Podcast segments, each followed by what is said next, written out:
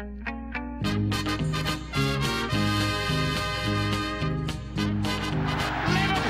are champions of Europe again. Liverpool are prize winners again. Liverpool is in the record books.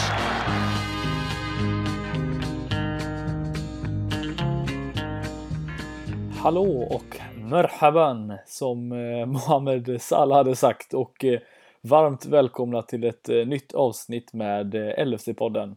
En podcast vi kör tillsammans med LFC.nu, den eh, svenska officiella supportersidan för Liverpool.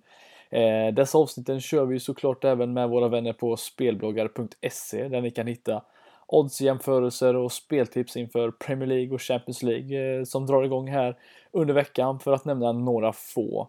Eh, sedan passar vi även på att nämna att vi finns nu på nya plattformen Podme där ni enbart för 19 kronor i månaden får tillgång till exklusiva avsnitt vi kommer släppa eh, varje månad.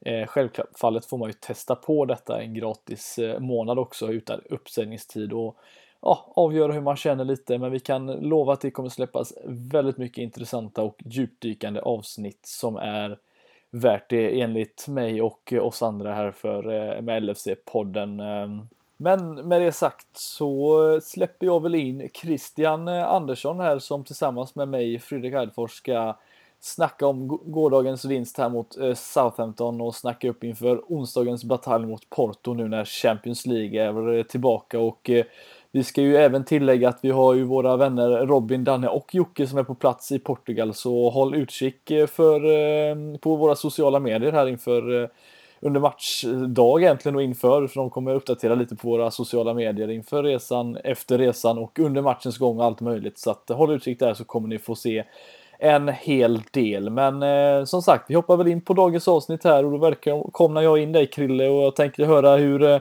skönt det är att slippa åka till Portugal och kolla Liverpool egentligen.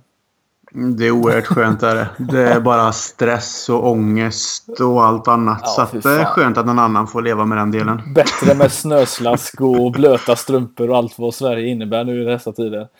Ja, ja, det är bara till jobbet, hem från jobbet och så gör man inget mer. Typ. Nej, precis. Du, eh, du hade lite roliga grejer för dig i fredags för de som har följt oss eh, ja, under en längre period, men även den senaste månaden här. Vi har pratat upp lite vad som hände. Du kan väl nämna lite för våra lyssnare vad, vad som hände och hur de kan ta del av det hela.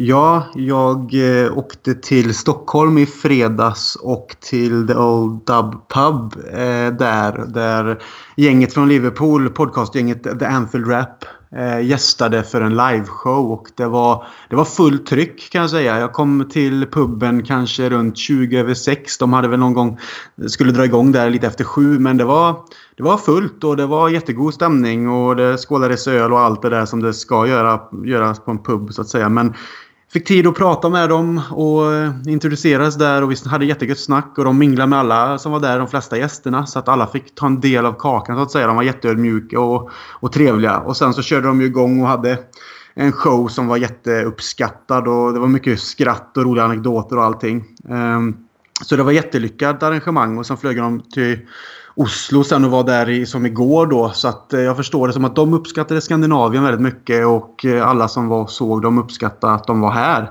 Men sen fick jag också äran att göra en exklusiv intervju med dem efter showen. Vi tog den utanför puben. Det var lite småkallt men det var det enda sättet att få eh, möjligheten att det, inte, att det faktiskt skulle höras någonting. Ehm, men ja, 25-30 minuter eh, gött snack med Neil Atkinson som oftast brukar hålla i The Anfield Rap som en slags förman. Lite som våran Robin Bylund när han är med.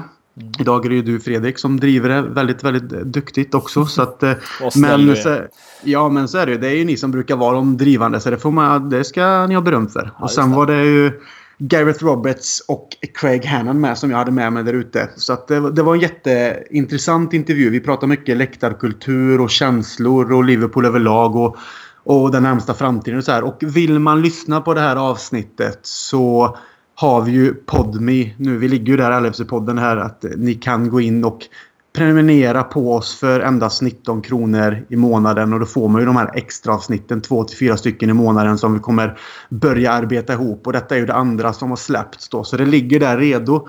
Och eh, första månaden är ju gratis när man signar upp sig. Så vill man testa och lyssna på det och se att det är någonting som passar en så är det ju super. Och känner man att man ja, att, eh, att, det inte, att det inte räcker till om man inte har det intresset så behöver man inte det heller så att säga. Men eh, testa och prova. Det var en intressant intervju så eh, jag, jag skulle råda om att faktiskt lyssna på det. Jag tyckte själv att det blev väldigt, väldigt bra. Mm, nej, men vad roligt. Det, det, mm.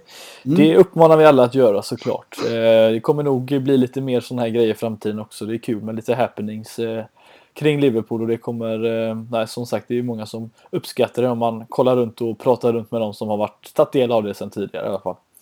Ehm, då, ja, vi hoppar väl egentligen på det som vi, som vi ska prata om den här och jag tänker vi börjar med det som hände eh, senast Krille och det var ju eh, Southampton borta. Eh, viktig bortamatch återigen, eller alla matcher är viktiga så sett, men sett till vilket läge vi är inne nu och det skulle ju handla väldigt mycket om van Dijk såklart, eh, hans eh, return till eh, Southampton och sydkusten. Men eh, en halvtimme innan matchens start så fick man ju se ett Newcastle slå Manchester United, vilket gav matchen kanske lite mer eh, innebörd i det hela. Ja, det är ju lite så när det läggs upp på ett smörgåsbord så som vi känner någonstans att ibland inte eh, Liverpool räcker till. Att nu, nu ska vi ska göra jobbet här och vi får möjligheten att ta in eller dra ifrån beroende på vilket läge så, så brukar det ju tyvärr har det ju rätt så vanligt att vi ja, inte lyckas göra det. Men det blir lite andra bullar den här gången så att säga. Mm.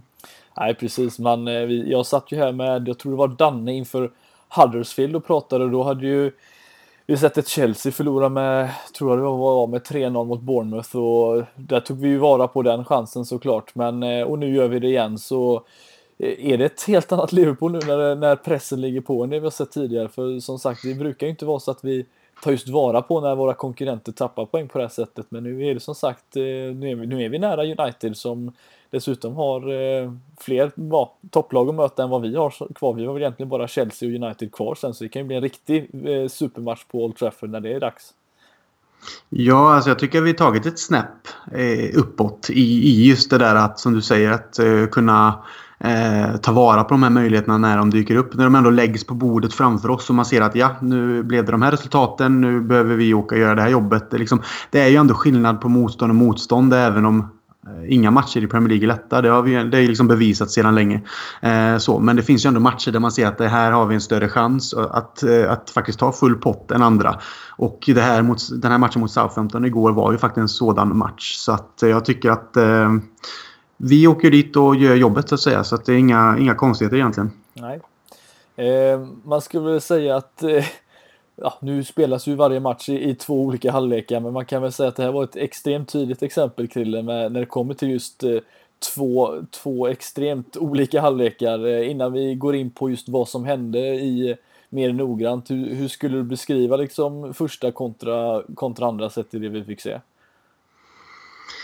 Ja, alltså första eh, i och med målen såklart. Alltså att det eh, ger oss den eh, alltså fördelen så. Så är ju det en det är ju lite det som man var rädd för. Att Liverpool behöver göra flera mål innan man kan sitta lite lugnare i båten. Men jag tycker att eh, vi, det vi är vana att se Liverpool och faktiskt trycka på och springa, även om vi kan kontra och, på ett mer energiskt sätt eh, i många matcher. Eh, eller vara ledande i bollinnehav och passningar och allt det här. Så tycker jag att vi det, det, jag tyckte det bara var lite konstigt jämfört med vad vi är vana att se. Det här är ett Liverpool jag inte är van att se under Klopp. Eh, så att säga. Så att, eh, ja, du får gärna flika in lite där ja. tycker jag. För att jag, ja, men jag är lite så här, ja, den, jag vill få lite av din känsla där. För jag, jag tycker den är lite svår att ta på faktiskt. Ja, nej men det är ju verkligen som jag nämnde, det är, det är två, två raka motsatser till varandra eh, får man ju ändå säga. Och, jag får väl säga, jag har ju ställt lite frågor på Twitter med, med mina följare och även eh,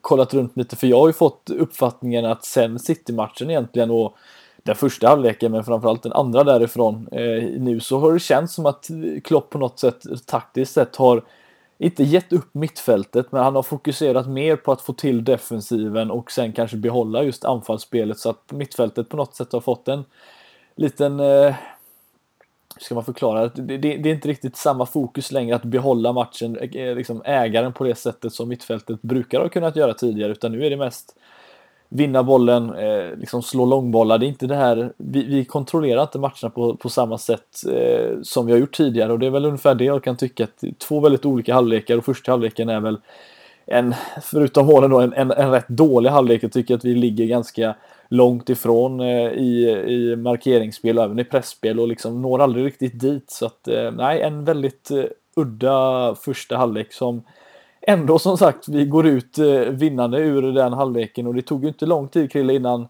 det resulterade i ett mål och ytterligare, ytterligare ett exempel på ett välarbetat kontringsmål på bortaplan. Nej, precis. Och det är ju det som du...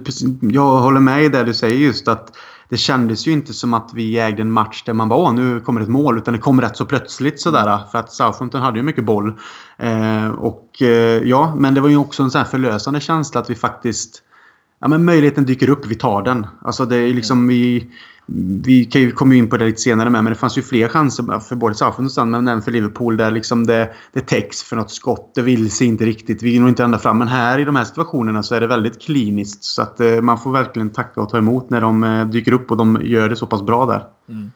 Ja, vi fick, om vi börjar vid, eh, tar vi egentligen a, a, målets liksom start så att säga, så är det ju en, en, egentligen en Loris Karius som eh, står för en, ett eh, snabbt eh, utkast till Chamberlain som försöker hitta Salah i djupled men och med lite hjälp får man ändå säga av, av Southampton så går den fram till Salah som sen hittar Firmino. Det är ju ett sånt där, som du säger, det är ingen kontroll egentligen på matchen även fast det var relativt tidigt men så, så står man där med 1-0 i alla fall och eh, återigen så är det ju Salah Firmino som står för, för mål och assist och det ja, vad ska man säga om det här radarparet? Vi kommer ju komma in på ytterligare en grej sen, men liksom det, det verkar klicka extremt bra mellan dem.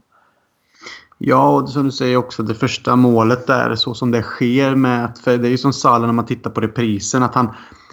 Han vet att Firmino är där. Han tittar knappt. Han tittar ju upp snabbt lite under precis kanske. Alltså det känns som att han slår... På ett, helt, på ett bra sätt. Ja, han slår passningen och han vet att, att Firmino är där. Och sen nästan tittar han upp. Det är som att han, han, han han gör momentet före han tittar upp om man tänker att det är tvärtom oftast. Så det är en känsla där bara att eh, ja, men det, är, det är deras fotbollshjärnor och känsla för varandra bara helt enkelt som gör att den här, det går så pass snabbt så att det uppstår en sån situation där Firmino också har ett väldigt vasst avslut skulle jag säga. Jag menar det är inte bara att pricka in den utan du måste ändå lägga den så pass att liksom målvakten inte har en chans och sen ändå sätta den i hörnet för det, det kan lika gärna skjuta rakt på eller på något annat sätt. Så jag tycker avslutet i sig själv också är riktigt, riktigt bra. Mm. Ja, det, är, ju ett sånt där eh, ett, ett bra bortamål att få. Man, eh, man tar vara som du säger på chansen. Man, eh, man kontrar in ett 1-0 mål och sen ja, Sen är det ju som vi säger, det är ju en, en, en, en halvlek där vi, ja det, det, det, ser inte bra ut Grille. Det, det är återigen, de, vi, man låter Southampton skapa en hel del chanser och vi får ändå nämna som sagt Karius som står för två eller tre ja, väldigt viktiga räddningar i, i det skedet när det står 1-0 som ja, sen mm. leder fram till, till just 2-0 målet som, eh, som är ett, eh, ett eh, helt alldeles utmärkt liksom förarbete av Firmino och även Matip som hittar bollen. Men eh, om, vi, om vi stannar just vid Karius där då som står för en eh, räddning för höj, på Höjbjerg där, eh, går ut och slänger sig ut som en ja, handbollsmålvakt mm. mer eller mindre. Det, det är inte ofta vi, vi får den räddningen och, och behåller den här 1-0-ledningen utan tidigare har det ju som sagt varit 1-1 där och då är det en helt annan match. Ja, och nu har ju Karius här redan i två matcher eh, gjort eh, liksom bra räddningar och visat att han, han har tagit något slags kliv bara under den tiden utan att säga att han på något sätt är den målvakten som vi ska förlita oss på i långa loppet. Det får han mycket mer att bevisa. Men jag tycker ändå det är en positiv utveckling att se. och det har man liksom läst och tycker väl jag själv också att det är klart att får du förtroendet att vara första målvakten så är det klart att självförtroendet höjs automatiskt. Man är ju inte mer människa. Mm.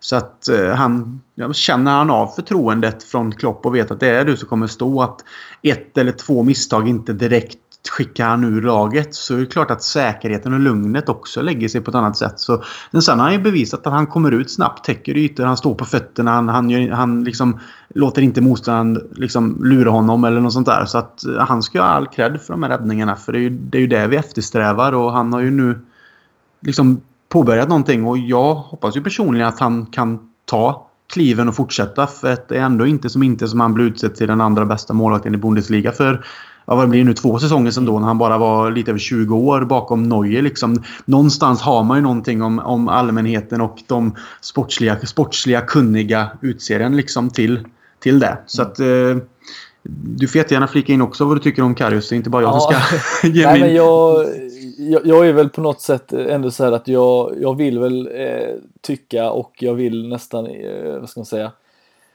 säga att Mignolet står inte riktigt, han gör inte den här insatsen i, i den här matchen om han hade stått. Ja, han, visst, han har stått för en hel del fantastiska och omänskliga räddningar några gånger som man kanske inte är van att se, men snabbt utkast, de räddningarna han gör och det snabba utkastet just till det målet som sker. Alltså, ja, det känns som att mm. vi har hit, fått en, en mer modern målvakt i Karius som hittar han rätt så kommer han att bli bättre och jag har sagt det tidigare att han, han har ett högre tak tror jag än, än Mignolet. Han kanske inte bara inte har kommit dit just än men eh, nej, jag tror ge honom tid så kommer detta bli bättre än vad det varit. Sen om han blir eh, Ja, är första målvakt för oss i, i tio år framåt, det, det, det vet man ju inte men eh, vi har ju definitivt mer att pumpa ut ur honom och det, det kommer bara bli bättre tror jag och eh, ge honom chansen och självförtroende så kommer vi det, det, det nog bli ganska bra. Han har ju som sagt inte varit på den förlorande sidan allt för mycket den här, sida, den här säsongen så att eh, det kommer nog bara bli bättre tror jag. Men, ja, sen, eh, sen, var det ja. någon som jag, läste också på Twitter som skrev just det som också man kan uppmärksamma lite på. Bara för att dra lite snabbt just det här med att helt plötsligt har vi en målvakt, även om det har bara gått några matcher, men har vi en målvakt som gör de här räddningarna och som du säger är snabb och modern i sitt spel. Och sen har vi en mittback som också igår då, vi kommer ju med till det med van Dijk som, som någonstans blir en slags general. Han vinner mycket luftbollar. Han, han är fysisk, han har en fysisk närvaro liksom som jag märker av väldigt tydligt. Och helt plötsligt har vi de två delarna bara rakt av nu. Alltså, och det tycker jag också märks när sånt, sånt lag som Southampton har mycket boll och skapar lägen att det är avgörande ändå för att vi inte släpper in målen. Det är att vi har en målvakt som gör räddningarna när det ändå dyker upp. Det är chanser men inte superchanser alla, alla heller. Men han gör det han ska. Och sen har vi en, en, en mittback som tar lite ledarroll och som vinner mycket i luften. Som liksom ståtar och trycker bort. Och det gör jättemycket och det är ju precis det vi har efterfrågat väldigt, väldigt länge. Så att bara den liksom att uppmärksamma att vad fan, det kanske finns en chans att det kan gå bra framåt därifrån. Så att mm. man får vara glad. Vi får, vi får vara glada och glädjas över det. Ja, nej precis. Och, och just de här räddningarna som vi nämner, det är ju på något sätt det som banar vägen lite för det som händer, händer lite senare i matchen Krille och jag tänker ju framförallt på just den det fantastiska målet som eh, ja, vi får kalla firma Sala Firmino men vi får ändå ge lite cred till Matip som hittar passningen. Men den, den liksom klackpassningen som Firmino står för det, ja, det är bara att ja, applådera. Så det är inte ofta man ser en spelare stå för den eh, speluppfattningen och ja, det, vad ska man säga egentligen? Nej, det snygga i momentet med... Ja, ja, men det snygga i momentet med som jag tycker är att det är ju inte att det är en ren klack utan det är som att han drar bollen ja. i, in i ytan med, med inner, inner, alltså innersidan av foten och sen lägger den bakåt till till så här, så det är inte den här klacken som bara är en ren klack på som får fart. Utan det är liksom en känsla. Det är som att han nästan väljer att lägga bollen där. Tänk dig en hockeyklubba-manér. Att ja, du ja. nästan väljer att lägga puck, om en pucken någonstans i en yta för att du har den möjligheten att svänga med, med handleden om man säger. Mm för alla som har liksom spelat innebandy eller hockey. Liksom den känslan just att man kan eh, göra... Det är nästan som han gör med foten tycker jag. Han liksom väl, väljer att sätta bollen där när det går så snabbt. Visst, han kan ju inte vara säker på att det, det går hem. Men han, han, har känslan att ja, men gör jag så här så hittar jag ytan där i det här slags väggspelet som det ändå blir med, ja, med, med Salah. Så att bara det momentet är helt fantastiskt snyggt att han gör det med den känslan. För många kanske hade försökt klacka med den här rena klacken och det här gått bara åt fanders liksom. Men här avväger han den perfekt, får den runt backen på det här sättet och lägger en perfekt yta för Salah som bara... Liksom, för honom är det bara att titta upp och liksom vinkla kroppen lite och lägga in den. Ja, han har ju gjort några mål den här säsongen, Salah nu. Och eh, vi fick ju se en Agüero göra fyra och en Kane göra ett. Men Salah vill ju inte vara sämre han. Och ja, som sagt ligger ju nu då två i skytteligan och eh, jag vet inte om du såg statistiken och, eller om våra lyssnare har sett det, men just nu så är alltså det endast 16 Liverpool-spelare genom tiderna som har gjort fler Premier League-mål än Salah och han har endast spelat 26 matcher. 30, mm, ja, alltså, han, det, det, ja, 16 han är helt spelare, fenomenal. jag vet inte, det är, det är helt sjukt att han, hur, vilken fart han har fått på detta och det är som sagt, vi ska även nämna då Firmino i just den här radarparet som nu då också har gjort eh, 20 mål på en säsong för första gången sedan eh, 13-14 då med Hoffenheim eh, och med alla turneringar inräknat såklart. Men ah, skulle du säga att, att det här är på väg att bli ett sånt där nytt radarpar vi kommer prata om i flera år framöver nu? Vi har ju sett ganska nyligen en, en Suarez Sturridge och är detta nästa par så att säga?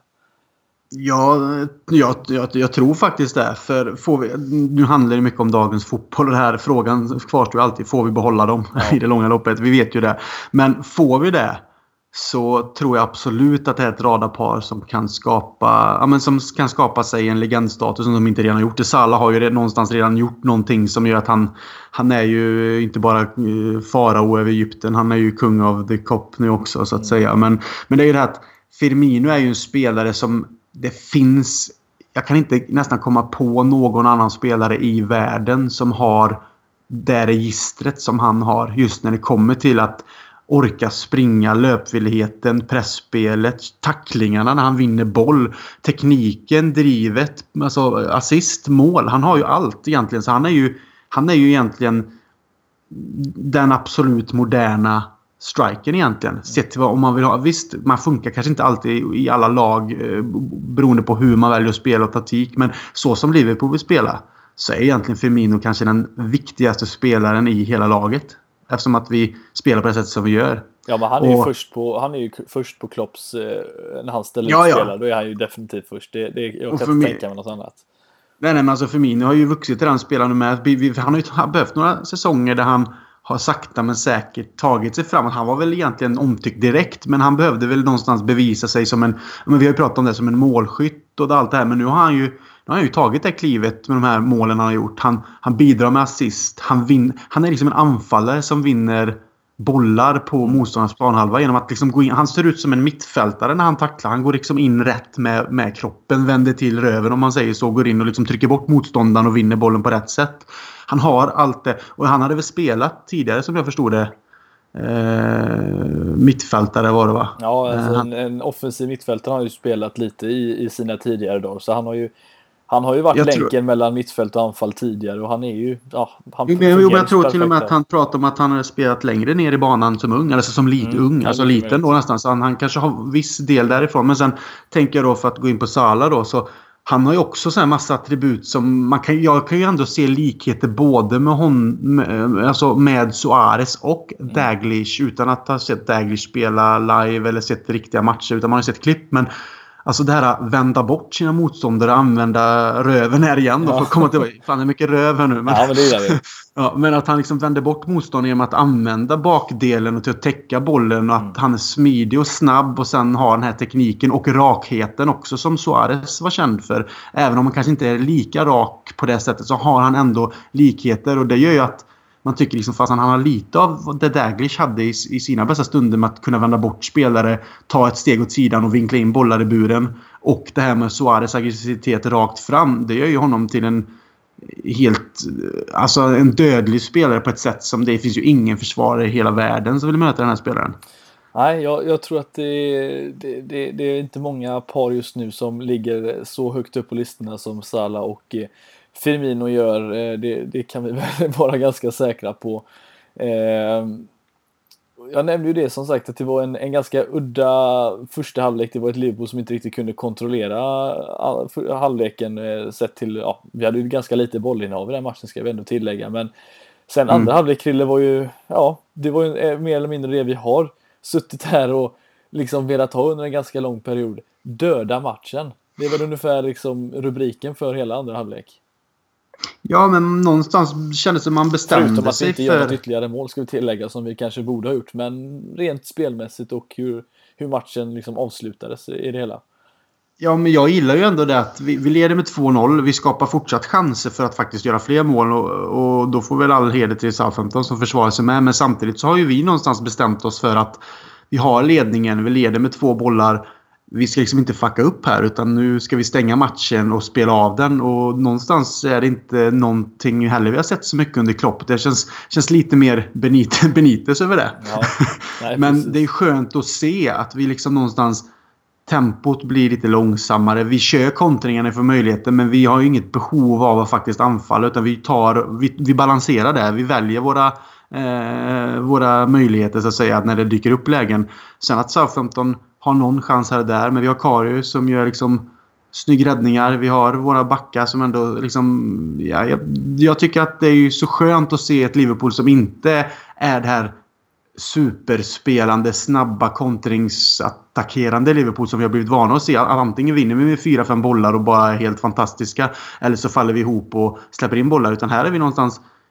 Ja, men vi, vi är bra utan att vara bra. Mm. Om du förstår vad jag menar. Vi, vi gör det vi ska och vi behöver inte ta ut oss fullständigt. Vi lyckas också vila eh, Salah, Firmino inför matchen på onsdag. Och det känns som att ja, allting som bara kunde vara. Vi slapp skador och allt det Allting som som, som allting gick så bra som det bara kunde inför Champions League faktiskt. Mm.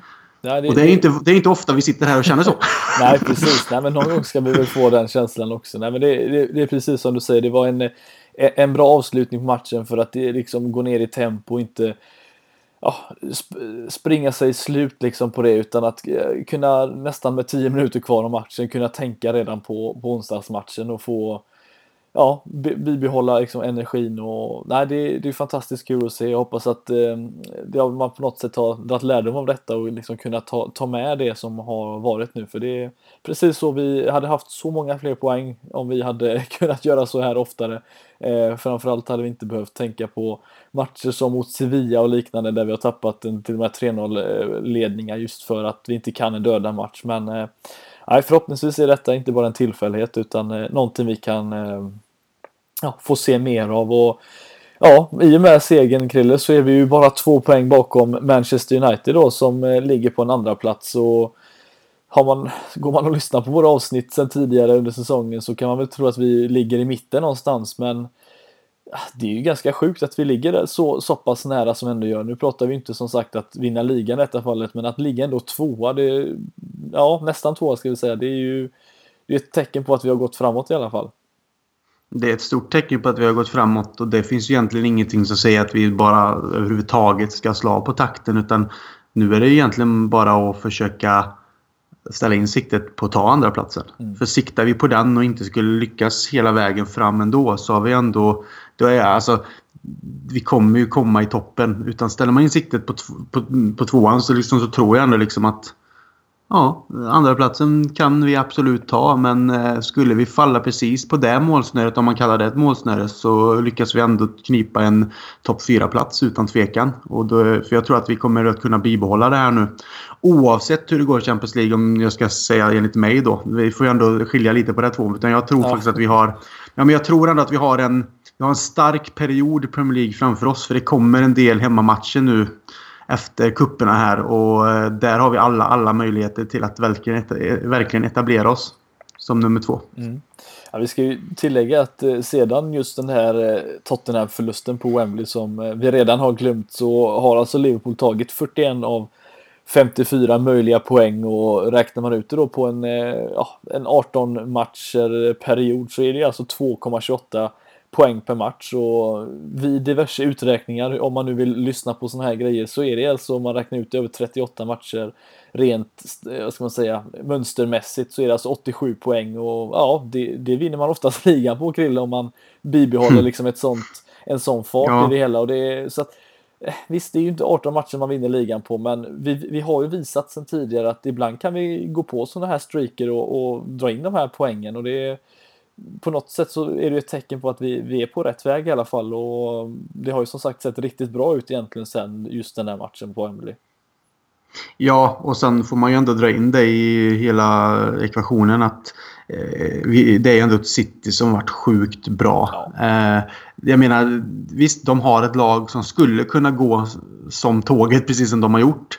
Men det är inte alltid att det händer. Det kommer skador, det kommer lite avstängningar, det blir något fall här och där och man, man får någon formdipp. Men de har ju hållit en riktigt hög nivå som jag inte tror att man, även om det är City, gör säsong efter säsong efter säsong. Det, utan det, det är ju lite det som är grejen. Att man får ju tycka nästan så här, ah, fan det är lite tråkigt att det just sker nu. För vi är ändå med i toppen där, i de, i, om man tänker i, i den normala poäng. Mm. Ehm, eh, poänguträkningen. Men de gör det så jävla bra så de har dragit ifrån. Och då, ja, det tar ju lite udden av det hela. Men man får ju ändå någonstans vara positiv med att vi är med och kämpar i toppen ändå. Även om de är, eh, har dragit ifrån. Så att, eh, ja, det, det, det, är positivt. Jag känner bara, jag, jag är glad. Ja, nej, men det är bra. ja, ja, det är så jag känner liksom. Det... Ja, men, det, ja, men det är inte ofta man faktiskt har den glädjen. Nej. Om, förlåt, jag avbröt det. Men Nej, det man, vi, man, jag kan ju vara rätt bitter ibland och sånt. Men eh, det senaste faktiskt i Liverpool. De har faktiskt ja, men de har glatt mig ordentligt på ett sätt som inte alltid händer så ofta om man ska se det så. Jag är en sån som inte nöjer mig. Jag, jag sitter fortfarande och är irriterad över att vi inte fick tre poäng mot, äh, mot Spurs. Då hade vi faktiskt ja, ja. legat på samma poäng som United nu. Men äh, visst, hellre vin, äh, kryssa mot Spurs och vinna mot, äh, mot Southampton och förlora mot Spurs i alla fall som vi var nära på att göra. Så att det, nej, lite, lite glädje får man väl se i det i alla fall. Och om det är någonting vi också kan nämna som sagt nu det är ju att eh, Klopp har ju nu eh, varit tränare för Liverpool i 95 matcher här och eh, slår man ut det och räknar ut hur många vinster han fått så har han ju då vunnit 50 av sina 95 kille och det är ju på samma nivå egentligen som Rodgers och även Bob Paisley i detta fallet som har exakt likadan statistik. Det är just nu bara två stycken tränare som är snabbare till sina 50 vinster och om man håller oss till just det som är mest aktuellt idag, den som håller just närmaste tiden i alla fall, så Klopp och Rogers, samma statistik. Det vad, vad, ser du för skillnader trots allt att de har eh, ja, just levererat på exakt lika eh, jämförelser då? Det är väl att vi egentligen under Rogers hade en säsong där allting gick nästan hela vägen fram och allting kändes helt toppen underbart. Men att vi därefter Eh, föll rätt så snabbt egentligen. Eh, med Klopp känner jag ju en annan stabilitet och ett annat...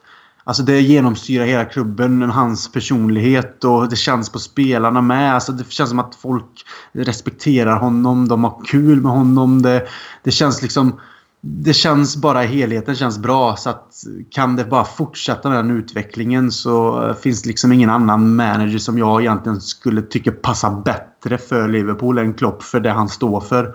Det känns som att han är en sån tränare utan att ta ut någonting i förskott. För skulle han gå och vinna titlar med Liverpool så är han en sån tränare som man vill ska sättas uppe bland de andra så att säga. Även om det skulle krävas i och för sig så mycket. Liksom mycket. Men lek med tanken att han skulle ro hem med Champions League-titel till oss. För det är faktiskt inte omöjligt med det laget vi har. Man, kan ha, man ska liksom ha tur på vägen. Då är han ju direkt liksom en, en legend som är odödlig. Eh, man ska inte jinxa någonting. Men ni förstår vad jag menar när jag säger liksom att han känns som att han någonstans personifierar det som Liverpool också står för. Och det är det jag tycker om. Att man någonstans håller kvar det. där. Vi hade kunnat byta manager om vartannat likt Chelsea har gjort. Eh, likt United också gjort det senaste. Men jag gillar ju någonstans att man ger någon tid. Sen kan man inte få mycket tid, hur mycket tid som helst. Man måste se resultat. Men jag tycker ändå att man ser det med Klopp och det laget han faktiskt bygger nu. Vi har, vi har fått in Salah.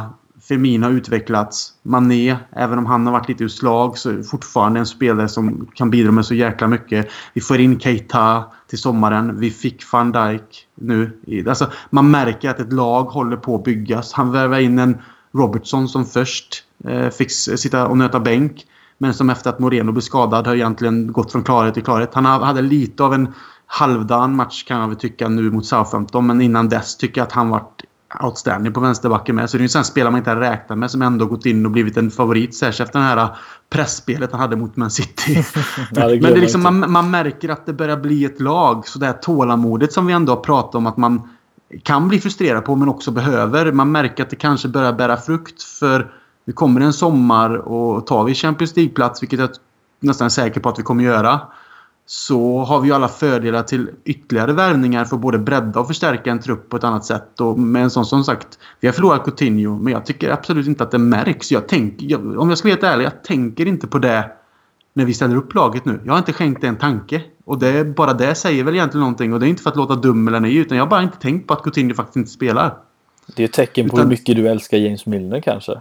Ja, precis. Nej, men jag är väl lite, jag, jag är väl lite svag för Chamberlain så. Jag, nu, han, har haft en period där han var riktigt bra. Nu har han väl kanske gått lite bakåt. Men jag tror fortfarande att han har eh, vad som krävs för att fortsätta utvecklas. Han är fortfarande ung med. Så att bara det tycker jag också är en bra värvning. Både som truppmässigt men även som en startspelare. Jag, jag gillar de attributen han har helt enkelt. Men om man ser till laget som Klopp bygger så känns det som att han bygger ett lag som faktiskt kan bli så slagkraftigt så att de kan ta hem en Premier League-titel det tvekar jag faktiskt inte på. Sen är det ju det här med marginaler mot de andra lagen och så vidare. Det är liksom, det är ingen, det är, Premier League är en supersvår eh, liga att vinna. Liksom. Det, det, ser vi ju eh, liksom, utan tvekan. Men jag gillar ju att vi ser tecken på att det förstärks. Det kommer in spelare som jag precis har nämnt.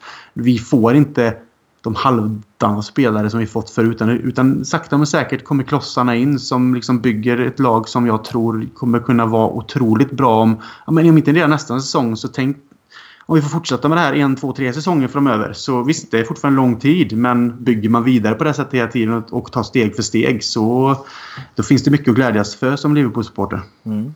Ja, vi får väl se. Klopp han har, och både han och Rodgers har väl lite kvar att eh, nå, nå upp till om man ska jämföra lite med vad Paisley lyckades dra in rent eh, pokalmässigt. Men eh, vi får ge dem lite tid och se hur detta slutar eh, helt enkelt. Eh, är det någonting mer du känner eh, vi behöver ta upp, nämna något viktigt som hände kring Southampton-matchen mer än att van Dijk eh, fick slå dem på näsan igen, men eh, någonting annat du känner det här är viktigt att ta upp? Egentligen inte. Jag tycker jag har pratat rätt på rätt så bra nu. Lite så här eh, exalterad och glad över mycket. Men det så jag lämnar egentligen ordet till dig och säga om det är någonting som du känner att du skulle vilja säga. Nej, det, det, det är snarare det vi har sagt. En, en, en skön 2-0-seger, enkelt, klappat och klart. Eh, nu tar vi nästa match ungefär. Och det, det är väl ungefär det du och jag ska göra även nu. För att vi är ju på väg in i någonting ännu mer hetare och det är ju dags för Champions League. Och Eh, Porto som väntar här på onsdag och eh, du som har eh, kollat en hel del Liverpool eh, på plats Krille. Har du varit och kikat på några Champions League-matcher under din eh, bortamatcher under din tid i, i England? Det är det som är det sorgliga när man ska prata om min som för mig själv eh, tid i England är helt fantastiskt underbar med allt som det gav liksom. Så är det ju det sorgliga att Eh, Liverpool var ju aldrig i Champions League under de fyra åren som jag var där. Europa då? eh, ja, Europa League var vi ju. Och där var väl semifinalen mot Atletico Madrid så. Men en bortamatch har jag tyvärr aldrig fått uppleva. Men bara för att dra den där att jag inte ens liksom fick en... Jag, fick, jag såg en Champions League-match på Anfield men då förlorade vi mot Real Madrid. Och då hade jag ju flyttat därifrån och var bara över en snabbvisit över typ en natt eller sånt här. Och det var ju en fruktansvärd skitmatch att gå på. Jag klipper så. bort den här frågan känner jag. ja, nej men eh, bara för att dra den. Liksom, så det liksom, man är ändå, spenderar ändå lång tid där och fick inte en, en Champions League-match. Det är väl lite så efter... Visst, man ska inte klaga, men det är väl lite bittert på något sätt. Då. Men ja. nej, det blev aldrig någon bortamatch på det här sättet tyvärr. Då. Nej. Nej, men då, det får vi väl ta du och jag och gänget åka över och se någon match. Vi, eh, vi har ju som sagt, eh, som jag nämnde i början av avsnittet, Robin, Danne och Jocke på plats och de kan ju få göra lite av det för oss. Men eh, absolut en kul bortamatch. Finalen kanske vi kan åka på allihopa. Det hade ju varit mm något om vi ska gå så långt fram i tiden. Men eh, vi lottades ju då mot eh, Porto som eh, kom tvåa i sin grupp med Besiktas som kanske något överraskande etta i den gruppen. Och Ja du Krille, det här är ett lag som egentligen bara har förlorat en match på hemmaplan och det var just mot Besiktas i Champions League och sedan dess, det är alltså oktober, så är de 43-12 på hemmaplan och inte förlorat då mm. en enda match. Eh, hur, eh, hur är känslan inför den här matchen?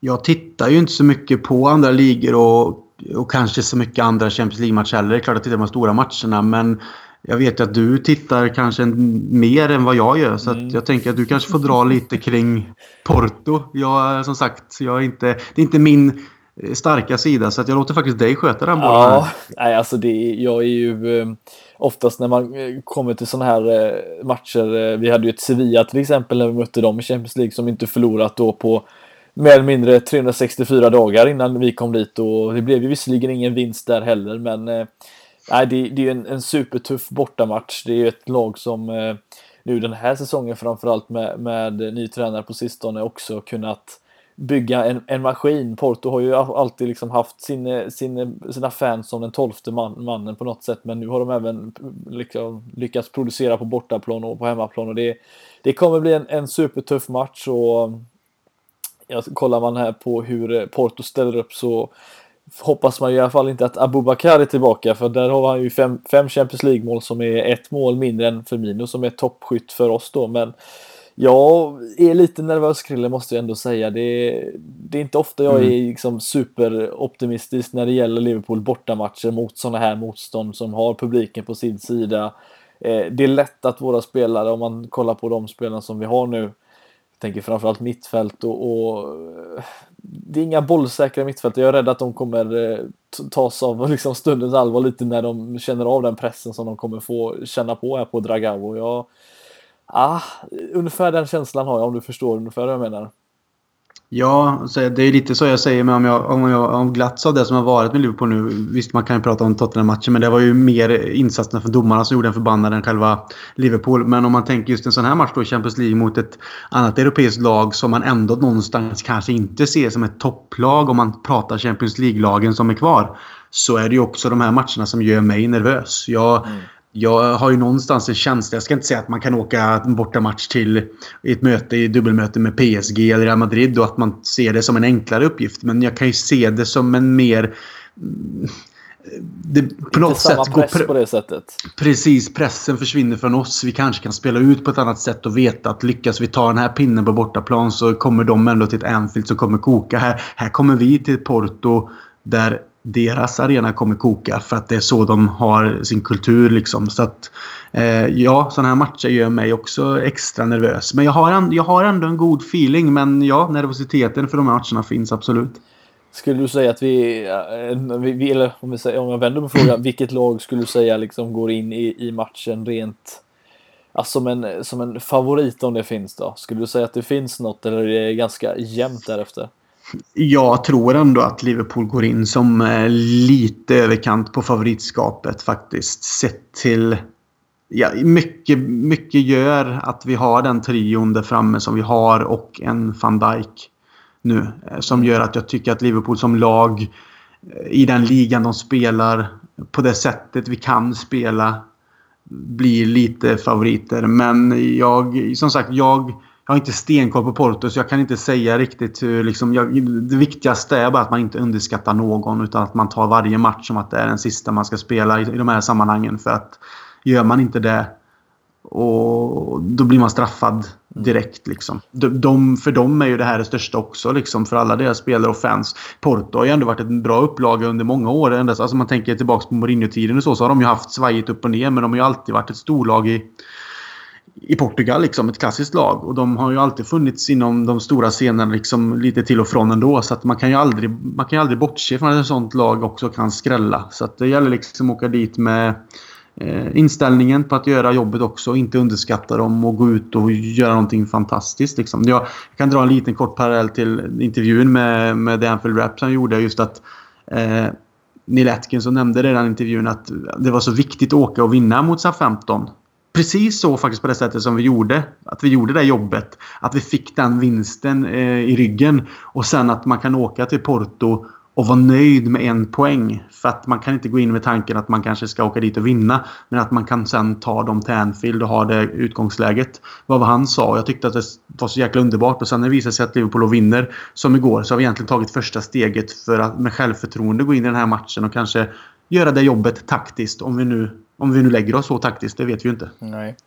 Vi får väl eh, se vad våra vänner på spelbloggare lägger upp oddsmässigt. Det får man ju gå in och kolla lite. Men hade jag varit oddssättare så hade jag nog fortfarande satt ett lite lägre odds på, på, eh, på Porto. Ja, de har ändå varit med i den här, på den här scenen eh, på de senaste åren i alla fall betydligt mer mm. frekvent än vad vi har varit. Och nu, nu, nu som sagt 7-0 borta mot Maribor. Det, det, är en match som jag fortfarande inte kan ta in när man ska jämföra sådana här grejer. Men det har sett rätt knackigt ut på bortaplan. Och, eh, mm. Står vi där med 1-0 eller eh, vi, står, vi tar någon tidig ledning så kommer det att koka. Det kommer bli jobbigt att hålla pressen uppe. Och jag, jag anser inte, eh, vi får väl se hur laget ställs upp och vi kan ju prata lite mer om det alldeles strax också. Men jag anser att vi har, vi har inte tillräckligt bra mittfält för att liksom kontrollera matchen och, och ta, dra ner på tempot på det sättet eller dra upp på tempot heller. Jag, jag, jag är lite mer nervös när det kommer till just den delen men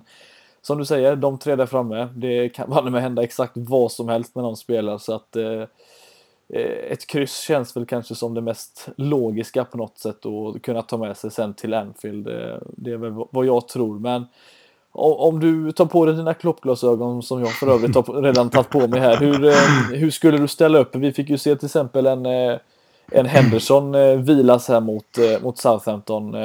Hur, är det ett relativt oändrat lag eller kommer vi få se lite mer förändringar tror du? Eh, som jag förstår det så Chan är ju avstängd så det är väl lite därför som Henderson fick vila så han fick lägga allt sin fokus på den här matchen. För han kommer gå in och ta den platsen där som sittande. Eh, men annars så ser jag inte att laget blir förändrat. Jag tycker att ett mittfält med Chamberlain, Henderson och Wijnaldum i den här matchen är vad jag hade ställt upp med också. Eh, säga vad man vill om Wijnaldums borta statistik, vad som kommer till poäng och så vidare. Men den, den, de lungorna han har ändå och uh, intensiteten han kan ha i en sån här match betyder mycket. Och det är liksom en sån som Milner sen kan man sätta in precis liksom också. Han har också energin egentligen men kanske inte under en hel match. Det känns som Wijnaldum kan göra mer nytta enligt mig i en sån här match. Så att jag ser ändå att det, det, blir, det blir samma lag fast Henderson går in på Chans plats då. Jag tror Milner startar alltså. Du tror det? Ja, jag tror att vi får se ett, ett riktigt osexigt mittfält bestående av Henderson, Milner och Wijnaldum. Eh, jag tror, tror inte att Chamberlain... Nej, jag tror inte Klopp litar på att han eh, pallar den, eller att han är så pass bra defensivt att kunna... För jag tror att det, han kommer ställa upp laget som är lite mer avvaktande. Jag tror inte vi kommer han kommer våga göra det, eh, ställa upp honom på planen. Det får vi visserligen se, men jag tror att han mer ja. litar på Milner, Henderson och Wijnaldum i en sån här match.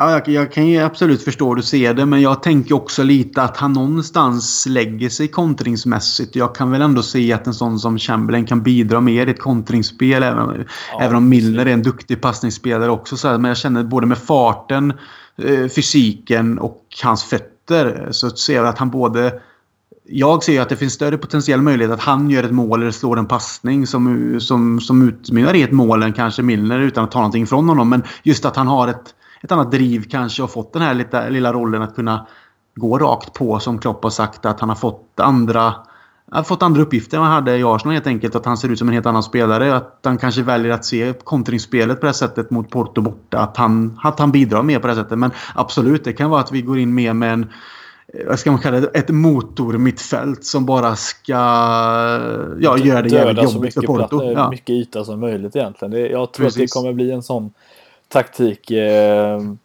jag tror Klopp, han, eh, jag tror att han går in med inställningen att han, han ska vinna den här turneringen på det sättet. Men han vill ju såklart gå så långt som möjligt. Jag tror i Liverpools fall handlar nog väldigt mycket om att inte förlora den här matchen i alla fall. För att eh, vi har ju alla medel för att slå Porto på hemmaplan och det är väl som sagt, ja. vikten Krille av att, eh, som jag tycker i alla fall, att avsluta på hemmaplan, vilket oftast känns ganska skönt. Och det är det vi kommer få göra nu. Och vi kommer väl sitta här kanske till och med du och jag någon mer, om inte bara du och jag igen, eftersom vi gör detta så ofta. och, och prata, prata just om det som händer inför Porto, kanske till och med prata om den matchen efter den har spelats också. Får vi väl se hur det slutar, men så långt fram ska vi väl inte riktigt gå. Jag, eh, jag ska ju för övrigt över på både Newcastle och Porto. Ja. Så jag får ju åka över på den eh, avgörande matchen. Så därför är jag också nervös över morgondagen. För att skulle det gå åt helvete så är ju den matchen när jag ska åka över, jag ska inte säga att den är körd, men den är fruktansvärt jobbig. Men får man med sig en poäng så finns det ju nervositet fortsatt, men också ett sätt att någonstans nu jävlar ska vi höja det här laget och ta det här, gå vidare i Champions League.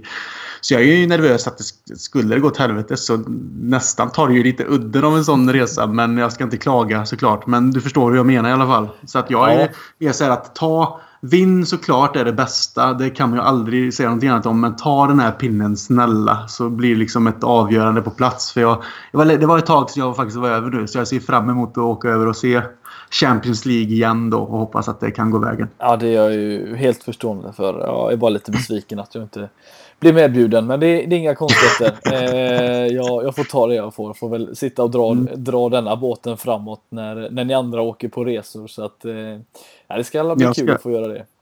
Ja, jag ska faktiskt spendera lite tid själv i Liverpool. Det händer inte så ofta, men jag har några dagar jag själv. Visst, jag har ju mina vänner där, men jag ska faktiskt göra lite saker som jag inte brukar göra när jag var där med de andra. Det blir ju lite för mycket alkohol och så vidare. Men att ta vara på den här tiden nu. Det var ett tag sedan jag var där, men faktiskt göra lite annat. Så det ska bli riktigt skönt. Det blir som en liten semester för en själv, typ. Ja, men det är inte helt fel. Och för Nej. de som inte har varit i Liverpool så är det ju inte bara en fotbollsstad. Det är en ganska ganska fin kulturstad även så att eh, man kan ju faktiskt åka dit och, och, inte bara kolla fotboll utan njuta av andras sevärdheter. Det, det kan vi ju rekommendera. Eh, vi ska väl säga också att vi har, eh, vi körde ju faktiskt ingen tipptävling kring det här inför eh, Southampton-matchen men vi kommer göra det nu inför Porto-matchen i alla fall.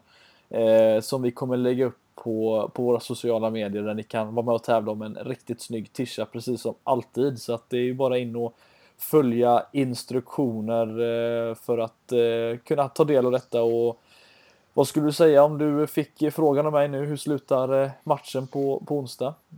Min första magkänsla säger 1-1, så det är det jag säger. 1-1? Jag, jag tror inte vi... Jag tror 2-2.